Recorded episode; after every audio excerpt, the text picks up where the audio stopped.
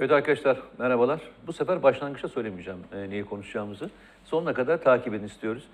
E, çünkü Nedim'le bu konu hakkında şey değiliz, sen fikir değiliz. Öyle söyleyeyim. O yüzden ortaya karışık ortaya yapacağız. karışık yapacağız.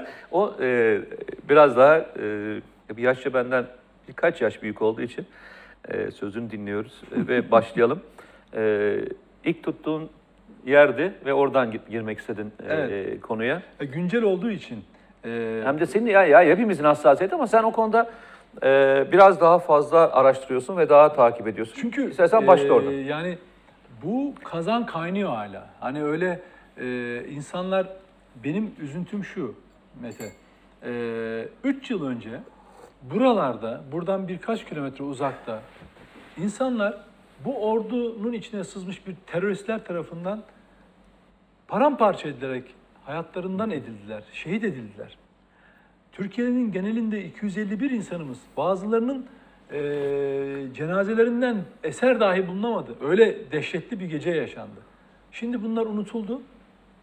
Şimdi orada bu, bu buradaki mağduriyetten bir ülkenin içine girdiği ihanet çukuruna buradaki mağduriyetten kimse bahsetmiyor.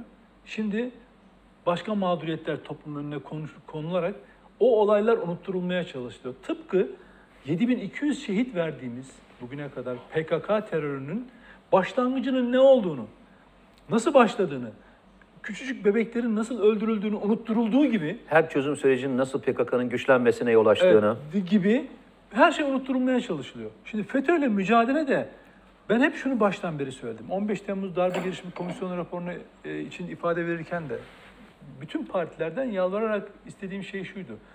Lütfen her konuda anlaşamayabilirsiniz ama bunda anlaşın. Lütfen anlaşın. Çünkü bu bizim ortak düşmanımız. Yani hatta PKK konusunda bile anlaşamazsınız ama e, bir parti nedeniyle ama bunda anlaşın. Bu çünkü hepinizin düşmanı. Fakat öyle olmadı. Şimdi iktidar muhalefet arasında bir siyasi kavgaya e, haline dönüşen FETÖ mücadelesi bu kez sanki siyasi iktidar içinde bir çatışma mevzuna döndü. Nasıl? Yargı üzerinden ki en tehlikeli alan. Burada asla tartışma yapmadan ve hiçbir grubun, cemaatin, derneğin, vakfın, anlayışın tek başına egemen olmasına izin vermeden hukukun üstünlüğünü savunacak yerde biz bugün yargıda FETÖ'cü, işte kimi hak yolcu diyor, kimi Süleymancı diyor, kimi ülkücü diyor, kimi sosyal demokrat diyor ki daha önce bunlar hep yargıda birlik platformunun bileşenleriydi. Ve biz yargıyı bunlar üzerinden tarif eder olduk. Yani ne yazık. Oysa bütün bu grupların dışında FETÖ'nün bir özelliği var. Her siyasi düşüncede olan grup kendini bir şekilde belli ediyor. Bunların içinde yalnızca FETÖ diğerlerinin kılığına giriyor. Bugün mesela e, işte bir cemaat diyelim, bir, bir, bir vakıf üzerinden anlatalım ya da bir, bir X diyelim.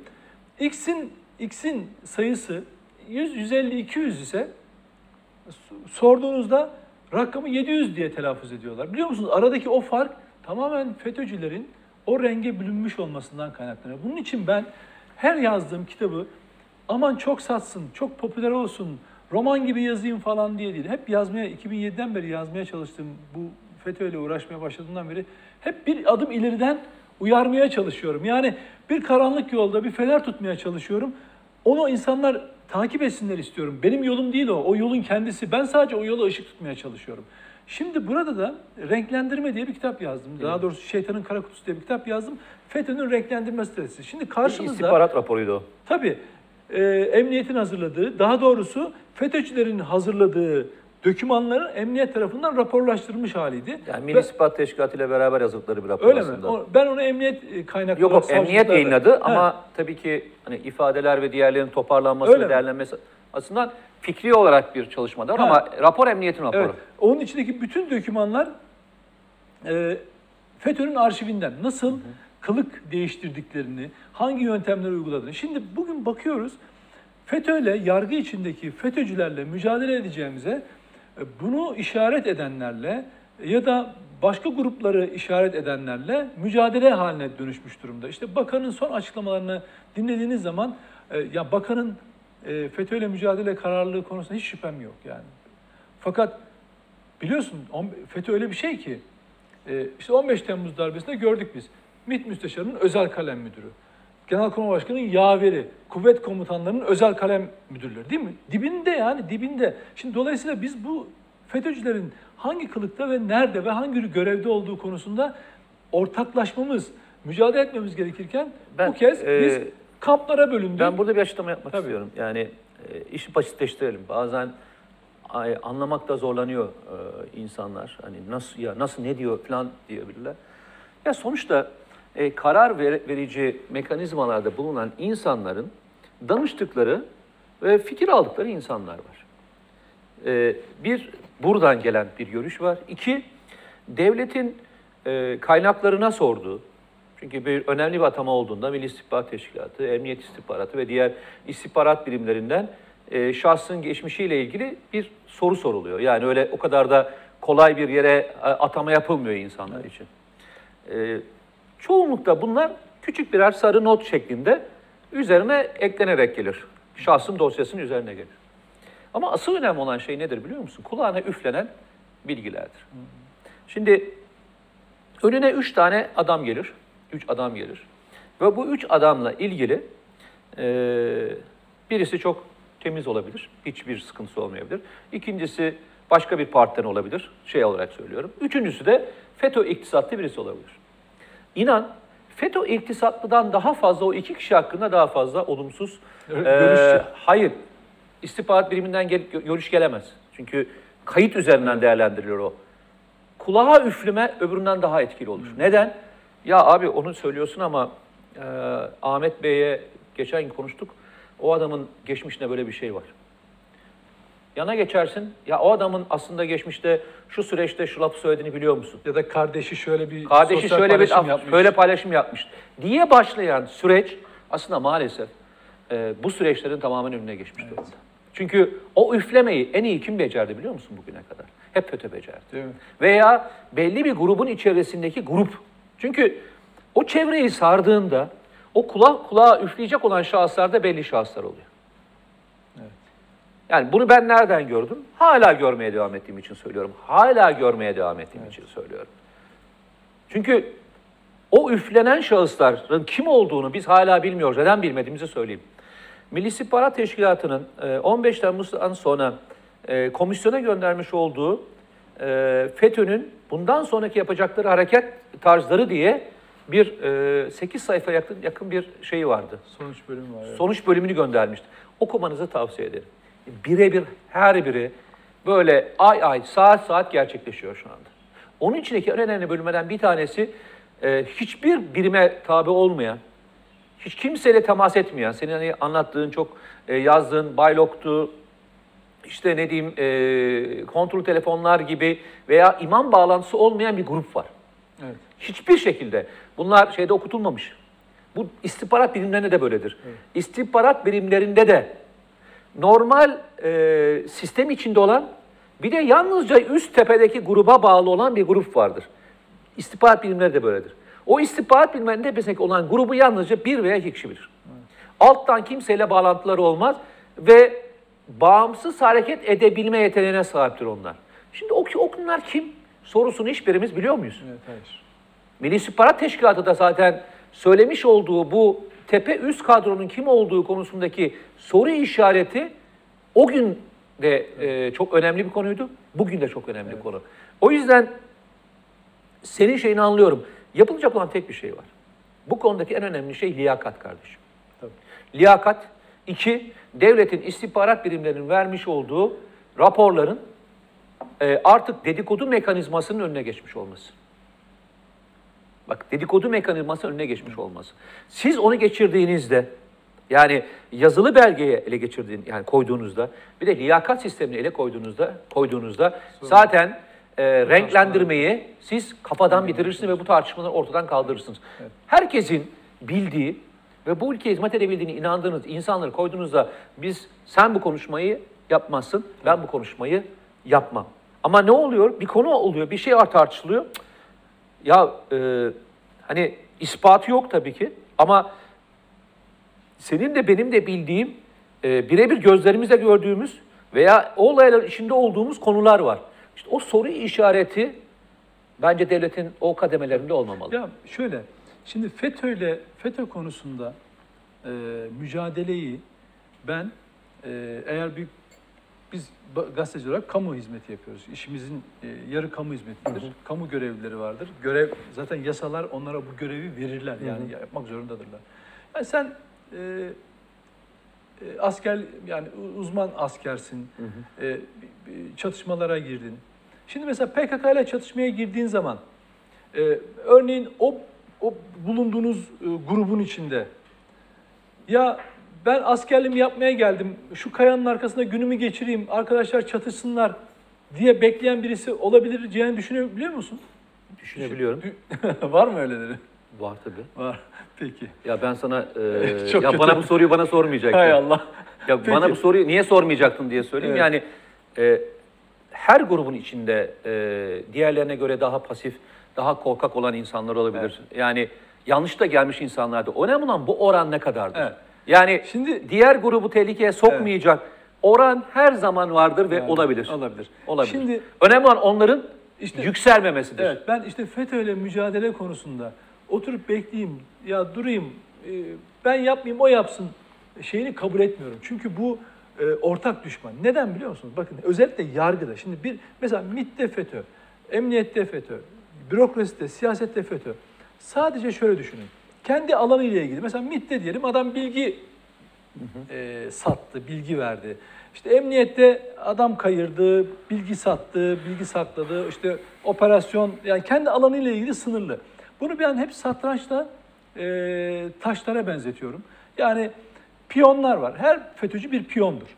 Her FETÖ'cü bir piyondur ama yargıdaki bir piyon vezire çıkan bir piyondur. Yani vezire çıktığında bir piyon vezire Doğru, çok doğru. vezire ulaştığında Benzetme çok doğru. her tarafa giden, her yöne hareket edebilen ve en yıkıcı hamleleri yapabilen bir eleman haline dönüşür.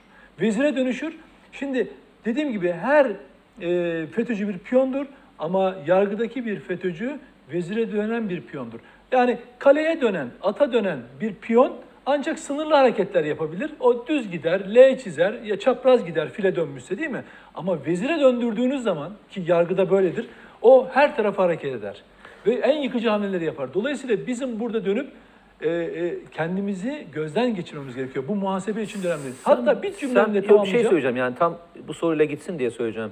Ee, sen mi yazdın, e, Zeki Uçok mu yazdı?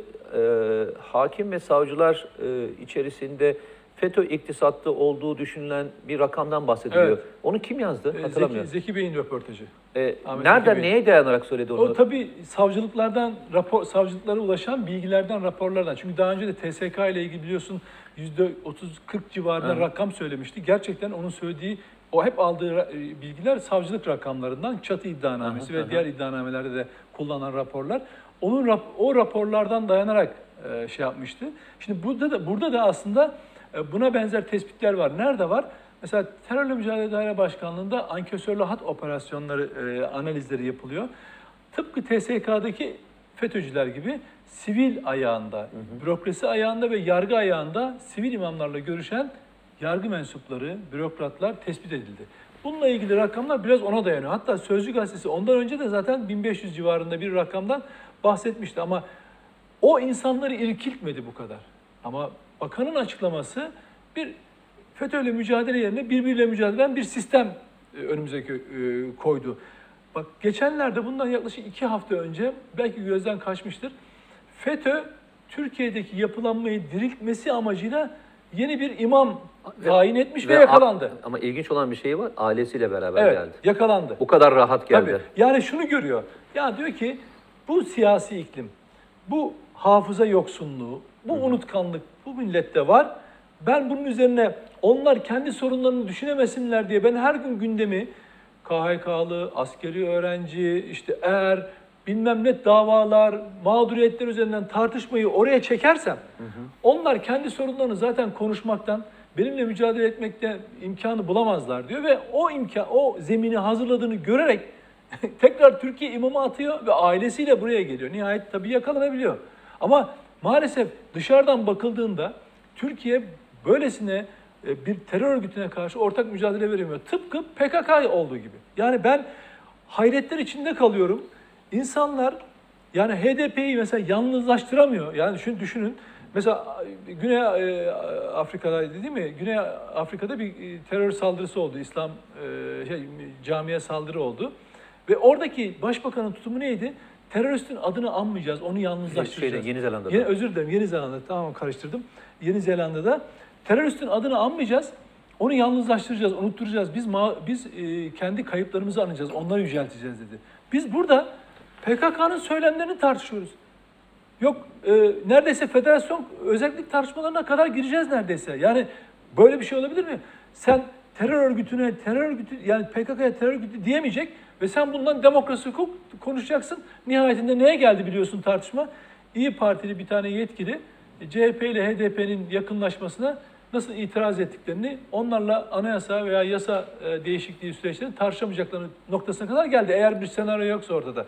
İşte bunu gören terör örgütleri ne yapıyor? Kendinden söz ettirmek için el yapımı patlayıcılarla, patlayıcılarla e, sivilleri e, katlediyorlar.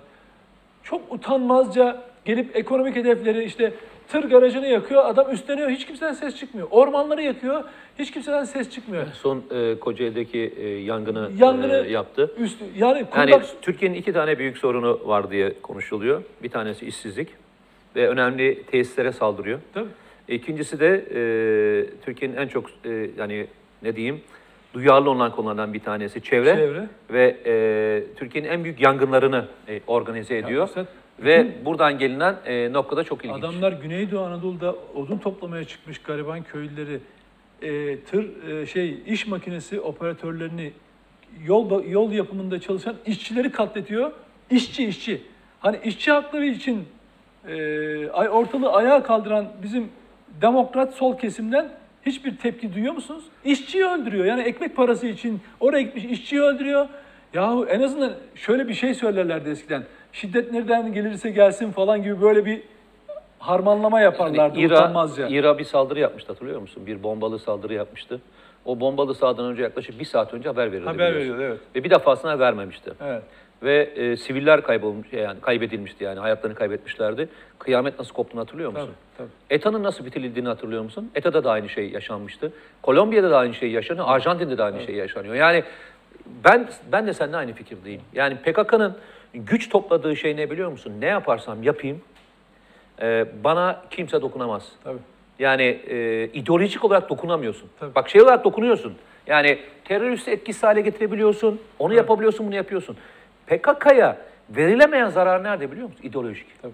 Çünkü ideolojik Propaganda olarak diyelim. İdeoloji de demeyelim. hayır hatta- ideolojik olarak ideoloji yoksunu olduğunu ispatlayamıyorsun. Ha o şekilde. Tamam mı? Yani Ama- bir ha- ideolojisi olmadığını ama şimdi şöyle bir şey var.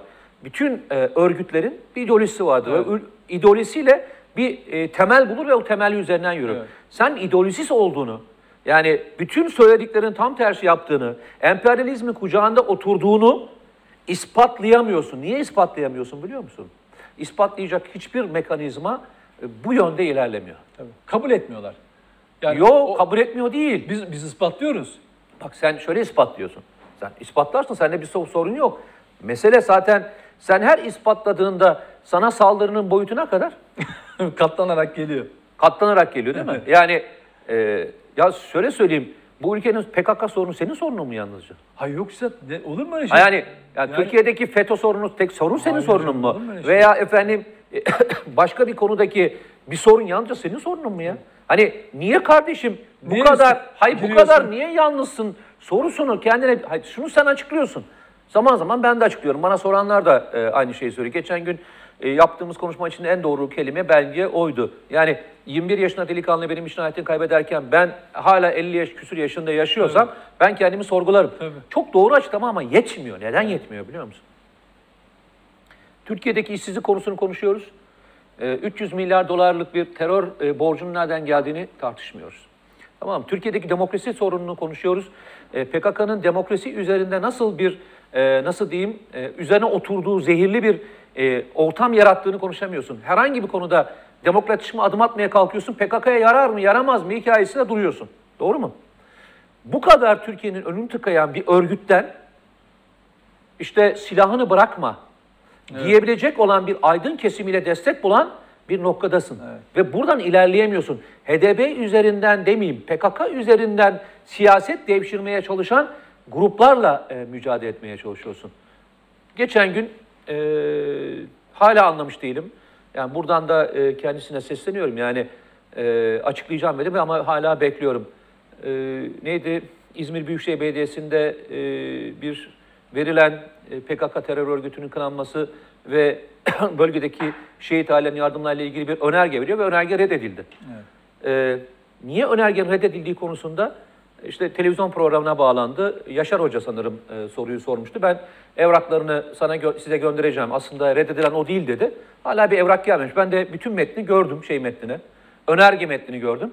İçerisinde beni rahatsız edecek, altına imza atmayacağım hiçbir bölüm yok onu söyleyeyim. E, muhtemelen sen de okumuşsundur o önergeyi. E, ya düşünebiliyor musun? E, PKK'nın yaktığını ve üstlendiği bir yerde şeyi kınayamıyorsun. Yani ya kardeşim benim niye yeşilimi yakıyorsun kardeşim diyemiyorsun. Diyemediğin için ne oluyor biliyor musun? O gücü devşirdiğini düşünen PKK bu sefer geliyor e, İstanbul'dakini de yakıyor. Oradan gidiyor öbürünü de yakıyor. Hiçbir yerden tık çıkmadığını gördüğü bir yerde ideolojik olarak aşağı çöküşünü hızlandıracak hiçbir eylem yapamaz hale getirecek olan şey yalnızca şey değildir. Terörle mücadele değildir. Bu işin ideolojik kısmıdır. Bizim ideolojik kısımda yaptığımız hiçbir faaliyet yok. O yüzden e, şeydeki hareket, Diyarbakır'daki başlatılan, HDP'nin önünde başlatılan hareket Türkiye'nin belki son dönemde, demeyeyim de 1984 ve bugüne kadar ki belki en etkili Evet. ve kendisinden En doğru. başlayan, endisinden en başlayan en doğru hareket. Evet. İdeolojik yoksunluğu bu kadar e, net gösterebilecek olan başka bir etki yok. Bu ama FETÖ için de geçerli. Sen şimdi FETÖ ile ilgili bir konu konuşuyorsun. Örnek verelim EYT'lerle ilgili.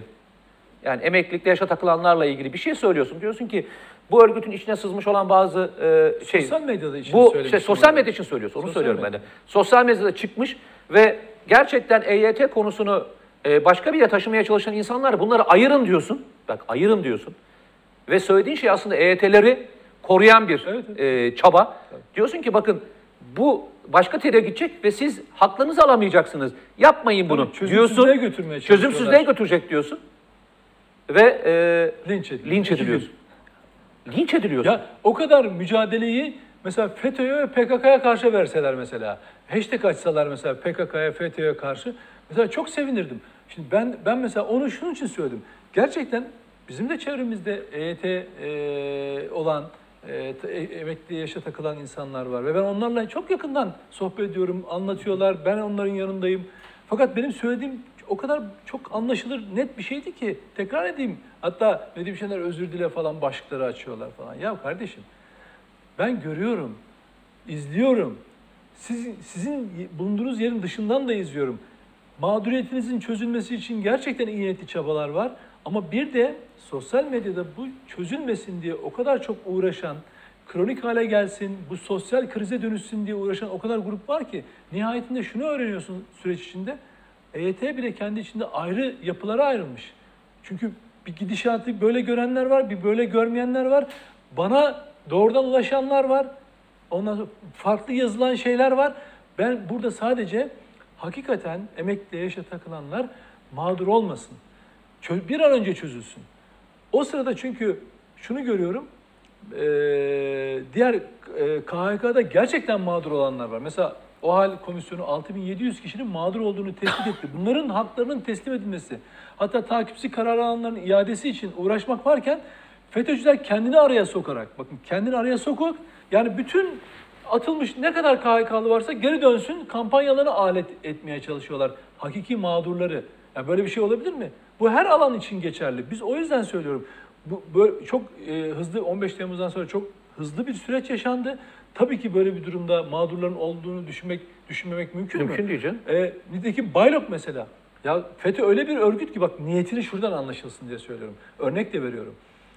Baylok'ta e, bir kendi e, kripto haberleşme sistemi ama deşifre olduğunu anladığı an insanlar namaz saati ya da sözlük veya bir takım seyahat sitelerine Ya telefondan yok. Ee, girdiği an evin, evindeki Wi-Fi'den girdiğinde de girdiği e, an seni telefonunu oraya yönlendiriyor. Mor Beyin diye bir şey var, uygulama var. Oraya yönlendiriyor ve sen hiçbir şekilde Baylog indirmediğin halde Baylog sitesine uzantı verdiği için telefonun tam 11 bin kişi bu şekilde mağdur oldu. Bin, binden fazla insan cezaevine girdi, hapis yattı ya. Bir yıldan fazla cezaevinde yatanlar oldu. Bak FETÖ böyle kafası çalışıyor. Adam yaptığı şey şu, bir aksiyona girdiği zaman bunun başarısız olması durumunda B, C, D planları nelerse hepsini hazırlıyor. Ona göre Ama, bu, ama şimdi FETÖ ayakta hayatta kalmaya çalışan bir örgüt ve e, hayatta kalmaya çalışan örgütün tepkilerini veriyor. Tamam mı? Ne yapıyor? E, kendisini daha büyük göstermeye çalışıyor. Tamam mı? Daha büyük, devasa bir sorun yaratarak kendisinin sorununu küçültmeye çalışıyor. Biz çok uzun zamandan beri FETÖ konuşamıyoruz ki. Asıl sorun e, bugüne kadar konuştuğumuz birçok sorunun ana kaynağı hukuk sistemindeki gelinen nokta. Polisteki gelinen nokta, askeriyede gelinen nokta, e, Türkiye'deki kurumların yıpranması konusunda gelen nokta dahil olmak üzere. Bunlar ne zaman başladı? Şimdi e, bir örnek vereceğim. E, geçen hafta 222 tane e, TSK mensubu gözaltına alındı. Bugün de e, yanlış hatırlamıyorsam Var, yüzden 80 fazla, küsür evet. kişi e, gözaltında. E, alındı. Çoğu da muazzaf. Evet. Şimdi gazetelere bakıyorsunuz. Bunda işte FETÖ mücadelesini en işte böyle her zaman bayraklaştıran gazeteler dahil. İnan ki iki sütüne 10 santim yani şu kadar bir alanı gazetede yer ayırmış. Şu kadar haberi 222 gözaltı. Ya dünyanın herhangi bir ordusunda ama herhangi bir ordusunda bir anda böyle 220 kişi bir anda gözaltına alınsa bu bir dakika ya falan denmez mi? Ve bunların rütbeleri albaydan başlayıp Mesela hayır Türkiye'de o kadar kanıksandı ki canım böyle bu iş. Şimdi böyle işte onu söylüyorum FETÖ bunu çok iyi biliyor.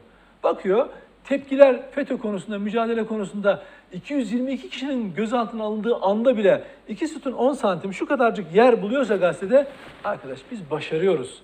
Biz kendimizi unutturuyoruz. Bu mücadeleyi unutturuyoruz. Şimdi şöyle düşünün. O mücadeleyi yapanlar bu haberlerin topluma etkili bir şekilde verilmesiyle moral buluyorlar. Bu kendi babasının hayrı için yapmıyor ki. Adam şunu söylüyor, "Bekleyin" diyor, Bekleyin. "Bekleyin, Tabii onun bekleyin, mesajını. Ve bekleyin" adam diyor. bakıyor ki sonrasında kaç kişi tutuklanmış, kaç itirafçı var. Hiç kimsenin bununla ilgilendiği de yok. O gün gözaltı oldu. Tamam sonra biz unuttuk meseleyi. FETÖ işte bunu biliyor. Ben o yüzden söylüyorum. Her ma- şey grup bakın ben ben eee cezaevinden çıktıktan sonra bak kendi üzerimden örnek vereceğim. Cezaevinden çıktıktan sonra bizzat Fethullah Gülen tarafından mağdur kabul edilerek Pensilvanya'ya davet edilmiş bir kişi olarak bunu söylüyorum. Bunları ben yaşadım. 2012'den sonra Amerika'daki Zaman Gazetesi'nin temsilcisi geldi. Beni Pensilvanya'ya davet etti. Ben niye mağdurmuşum? İşte haksızlık yapılmış bana. Ne ne yapacakmışım? Fethullah Gülen'le gidip bir fotoğraf çektirecekmişim hani yan yana. Sana zaten Dur bak. sen mi açıklamıştın? Bir tane sana e, o konuda en çok destek veren kişi yargıdaki bir kişiydi de bir dernekten de o da daha sonra FETÖ'cü mü Tabii çıkmıştı? tabii işte Yarsav Başkanı. Yarsav Başkanı. Şimdi ben yap o gün bakın 2012'den sonra daha 17-25 Aralık yaşanmamış. 15 Temmuz'da da 4 yıl var daha. 4 yıl var. Bütün o süreçte arama mesafe koyarak, tepki koyarak mesela benimle cezaevine yatan, e, giren, çıkan kişiye hakkında ne kadar stajiste bahsettiler değil mi? Onunla o gruplarla ilgili bir takım şeyler söylediler. Tabii, Hiç tabii. benden olumlu bahsettiler mi o sürede? Yok. Çünkü ben 17-25 Aralık yani cezaevinden çıktıktan sonra da kavgama devam ettim. O- 17-25 Aralık'tan yani 2013'ten sonra da devam ettim. Benim nerede olduğumu çok iyi biliyorlardı. Ve ben bunu bak adam bana ya sen mağdursun işte biz de senin yanındayız demek için beni Amerika'ya kadar davet etti. Ben kendime o adamlarla bu kadar mes- net mesafe koymuşum ki en güçlü oldukları zamanlardan bahsediyorum. Henüz daha 17-25 Aralık'ı yapmamışlar. Hükümeti düşürecek noktada güçlüler, poliste, yargıda her yerde adamları var. Şimdi ben de şunu söylüyorum. Gerçek mağdur olanların hep kendilerini kullanmak isteyenlere karşı çok ciddi set koymaları gere- gerekiyor. İlk yapmaları gereken bu hatta. O haklı meşru haklarını o alçaklar kullanmasın, kirletmesin diye. Ben bunu anlatmaya çalıştım. Anlayanlar anladı çok şükür. Bir, e, Çok istersen- olumlu tepkiler de aldım ama ben Hı hı. e, e, işte Nedim Şener'i protesto ediyorum diye e, başlık açtılar. Ben de Nedim Şener'i protesto ediyorum diyenler ne söylediğimi anlamamış diyerek o videoyu tekrar yayınladım. Özür diyen, di- dile diyenlere bir daha gönderdim, bir daha yayınladım. Ne dediğimi anlaşılana kadar. Anlaşılacaktır zaman içinde diye düşünüyorum.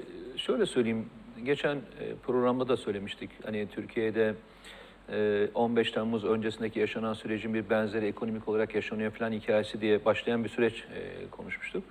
Bugün e, ilginç şeyler paylaşılmaya başlandı. Çok da işte senin bu FETÖ'yle mücadele konusundaki sulandırma hikayeleri ve diğerleri ve e, diğer konular da konuşuluyor.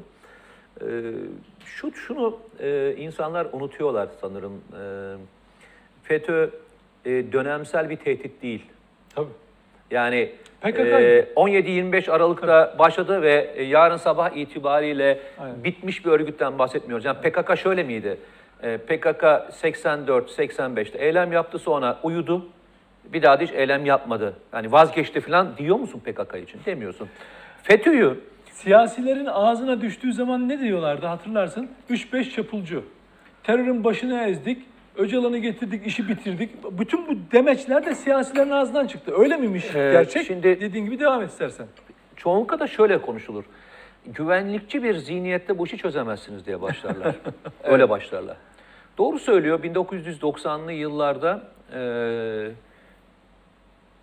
gece saat e, hava karardıktan sonra yolların nasıl kapatıldığını, o ana karayolları haricindeki yolların hiçbirine girilemediğini, yıllarca o yolların nasıl kapalı olduğunu, insanların e, PKK'dan neler çektiğini biliyoruz biz değil mi?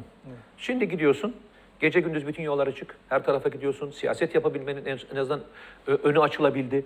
İnsanlar rahatlıkla yapabiliyorlar.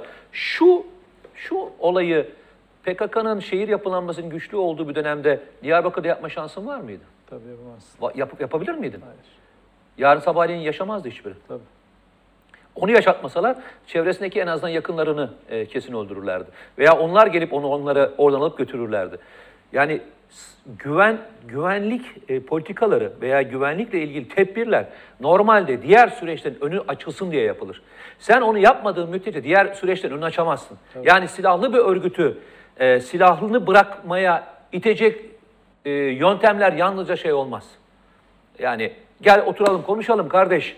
Ee, yarın sabahleyin de silahını bırak diyeceğin hiçbir dünyada bir örneği yok. Yok. Tamam mı? Kolombiya örneğini ikide bir veriyorlar. Öyle örnek öyle değil.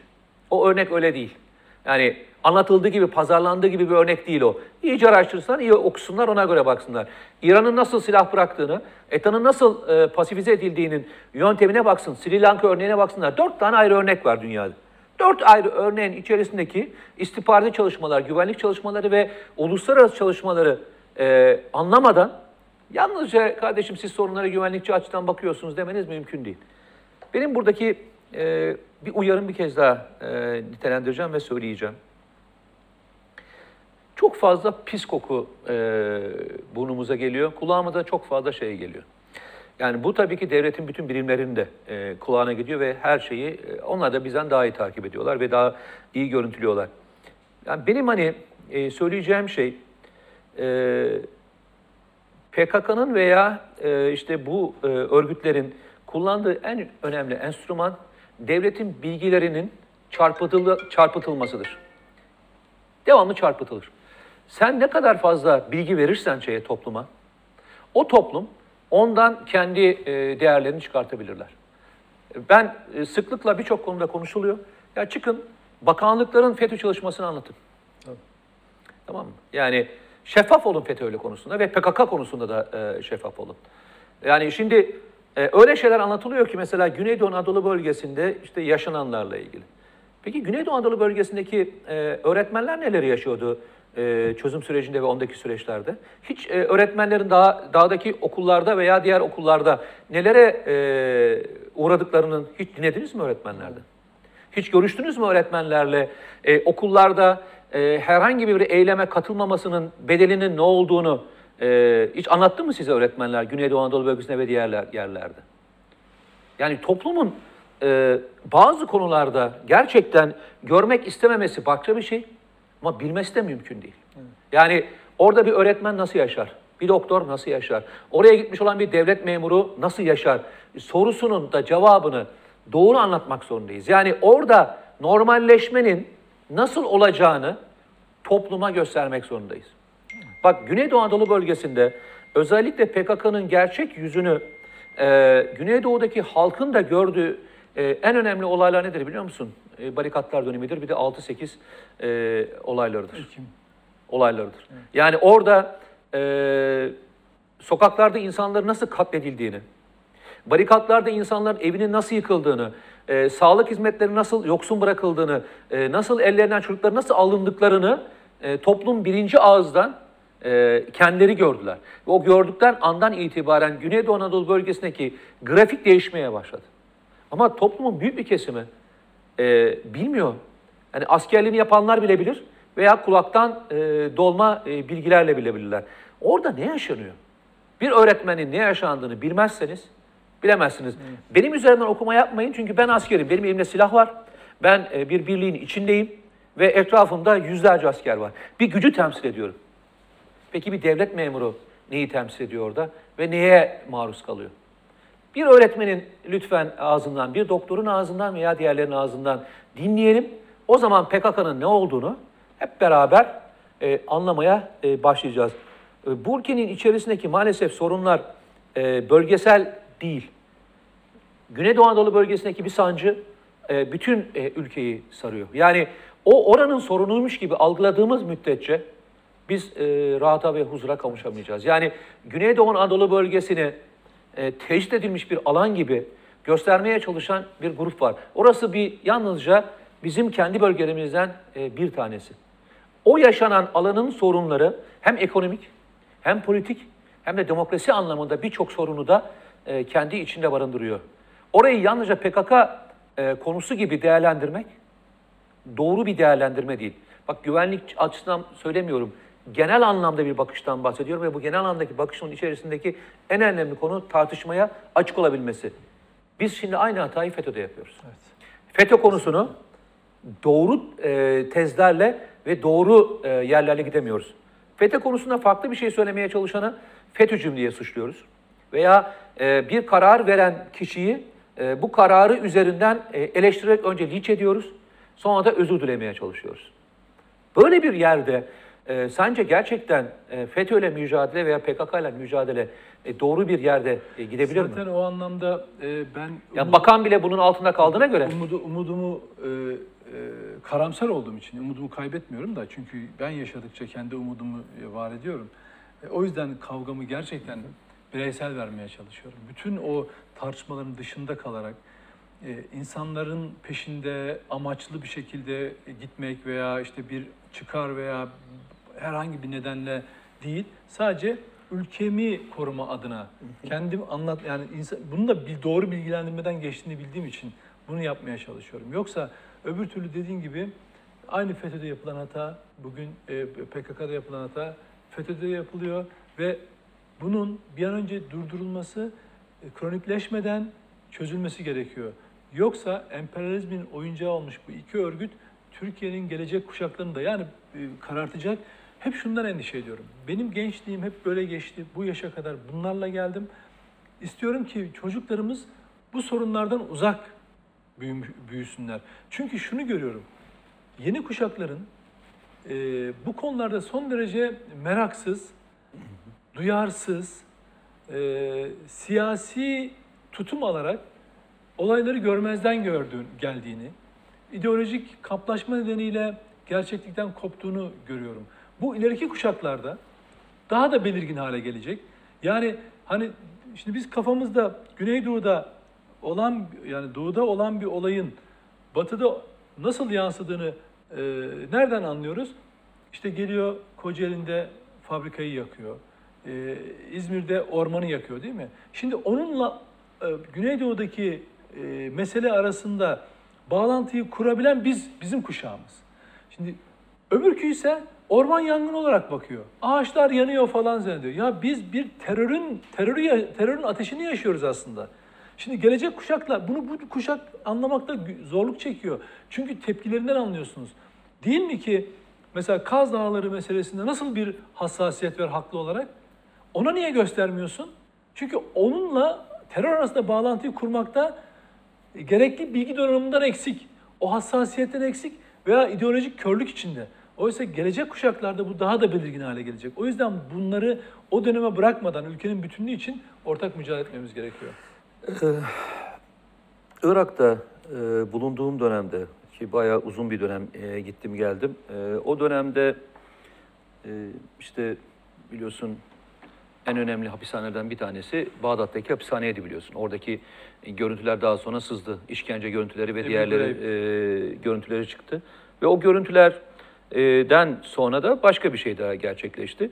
Bugün e, CIA'nin başındaki e, hanımefendi biliyorsun daha önceki sorgu elemanlarından bir tanesi. Yani bu işle birebir e, e, uğraşan e, kişilerden bir tanesi. Hatta e, bununla ilgili konuşurken de e, bu yöntemlerin doğruluğu ve yanlışlığı konusundaki konuşmalarını da bir takip etmenizi tavsiye ederim. E, o dönemdeki görüntülerin arkasından sen Türkiye'de e, birilerinin çıkıp bu görüntüleri e, gerçek anlamda e, bir suç olduğunu söyleyen kaç tane yazı gördün? Yani hemen hemen yok gibi bir şey tabii. Hatırlıyor musun? Yani arkasından PYD konusunda, PYD'nin son dönemde e, Fırat'ın doğusunda yapmış olduğu işkence görüntüleri e, sıklıkla infaz görüntüleri yayınlanıyor. E, yazılmış olan bir tek e, evet. şey hatırlıyor musun? Maalesef. Hatırlamıyorsun. Maalesef e, Türkiye'nin en büyük sorunlarından bir tanesi yere gel- geleceğim. Demin de ilk e, birinci bölümde anlattığımızda konuştuğumuz ekonomikle ilgili konu dahil olmak üzere e, emperyalizmin e, maalesef Türkiye'deki uzantıları en güçlü olması gerektiği o beşinci kol dediğimiz, dördüncü kol dediğimiz, dördüncü güç dediğimiz e, yer e, de e, çok güçlüler. Ve e, burada e, kurdukları hakimiyeti ister kültürelde, ister e, STK'lar üzerinde de, istersen başka türlü yapılanmalar üzerinde de bu konu üzerinde tek bir e, şey göremezsin, e, laf göremezsin. Bunun üzerinden çok büyük bir siyaset alanı e, açılmaz ve bu konuda hiçbir e, konuşma yapılmaz. Ben ısrarla takip ediyorum. Köşe yazılarını takip ediyorum, onları takip ediyorum ya diğerlerini. Asıl sorun Türkiye'nin sorunlarına değinmemekten öte bir de Türkiye'nin sorunlarını kaşıyan gruplara da değinmemek üzerine kurulmuş olan ikinci bir e, dalga var. Bu dalga e, maalesef e, gerçek anlamda vatanseverlerin e, sesinin çıktığı dönemlerde olacak. E, Teknofest'te e, Salı günüydü. Bizim Güvenli Bölge diye bir İsmail Halis'le beraber, İsmail Halis'in e, moderatörlüğünde benim katıldığım bir program var. Orada Selçuk Bayraktar'ı e, konu ettik ve e, yaklaşık iki saate yakın e, sohbet etme imkanımız oldu. E, o kadar güzel şeylerden bahsetti ki şey anlamında. Hani Türkiye'nin teknoloji yolculuğu, neden hani gitmemiz gereken ve nelere geldiğimizi anlatan çok güzel bir konuşmaydı. Ee, onu bile küçümseyen, Teknofest'i bile küçümseyen, maalesef Türkiye'de kendisini e, belli bir noktaya getiren ve e, şahsı damatlığın ötesine geçirmedikleri e, bir e, noktaya doğru geldik. E, ama Türkiye'de benim de çok güvendiğim bir dalga geliyor. E, o dalga doğruya e, ulaşmak konusunda çok ısrarlı. Yapamadığımız tek bir şey var. E, biz şeyi koruyamıyoruz. E, ışık kaynağını koruyamıyoruz. Işık kaynağını koruyamadığımız için zaman zaman o ışık kaybolduğunda şöyle bir dolanıyoruz şeyde. Ee, nasıl diyeyim? Ee, yönümüzü şaşırıyoruz. Ee, daha sonra bir ışık daha görüyoruz. O ışık doğru ışık mı değil mi diye bekliyoruz. Bazen yanlış ışığa doğru da yürüyoruz. O bütün zaman kayıpları bir müddet sonra e, gidiyor. Işıktan çok bir güneş yaratamadığımız müddetçe, yani önünün kapatılamayacağı bir güneş yaratamadığımız müddetçe biz böyle çok sık e, yolumuzu kaybedip kaybolacağız. Kim o güneş kardeşim?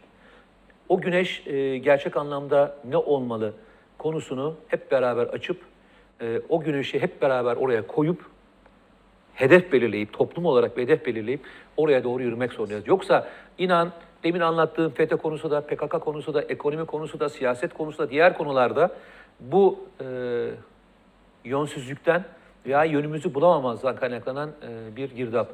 Kendi kaosumuzu kendimiz yaratıyoruz. Kendi kuyruğumuzu e, kovalayan kedi misali e, onun peşinde e, devamlı koşturuyoruz.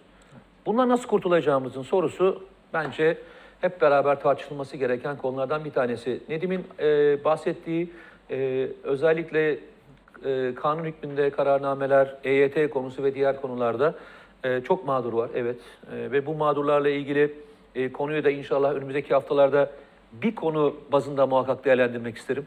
E, nasıl olmalı, nereye doğru gitmesini de yanlış anlaşılmaya sebebiyet vermeden çünkü e, en güzel yaptıkları şey şu, bir bölümü kesip diğer bölümü e, almaları e, gibi e, inşallah e, doğruya hep beraber ulaşırız arkadaşlar.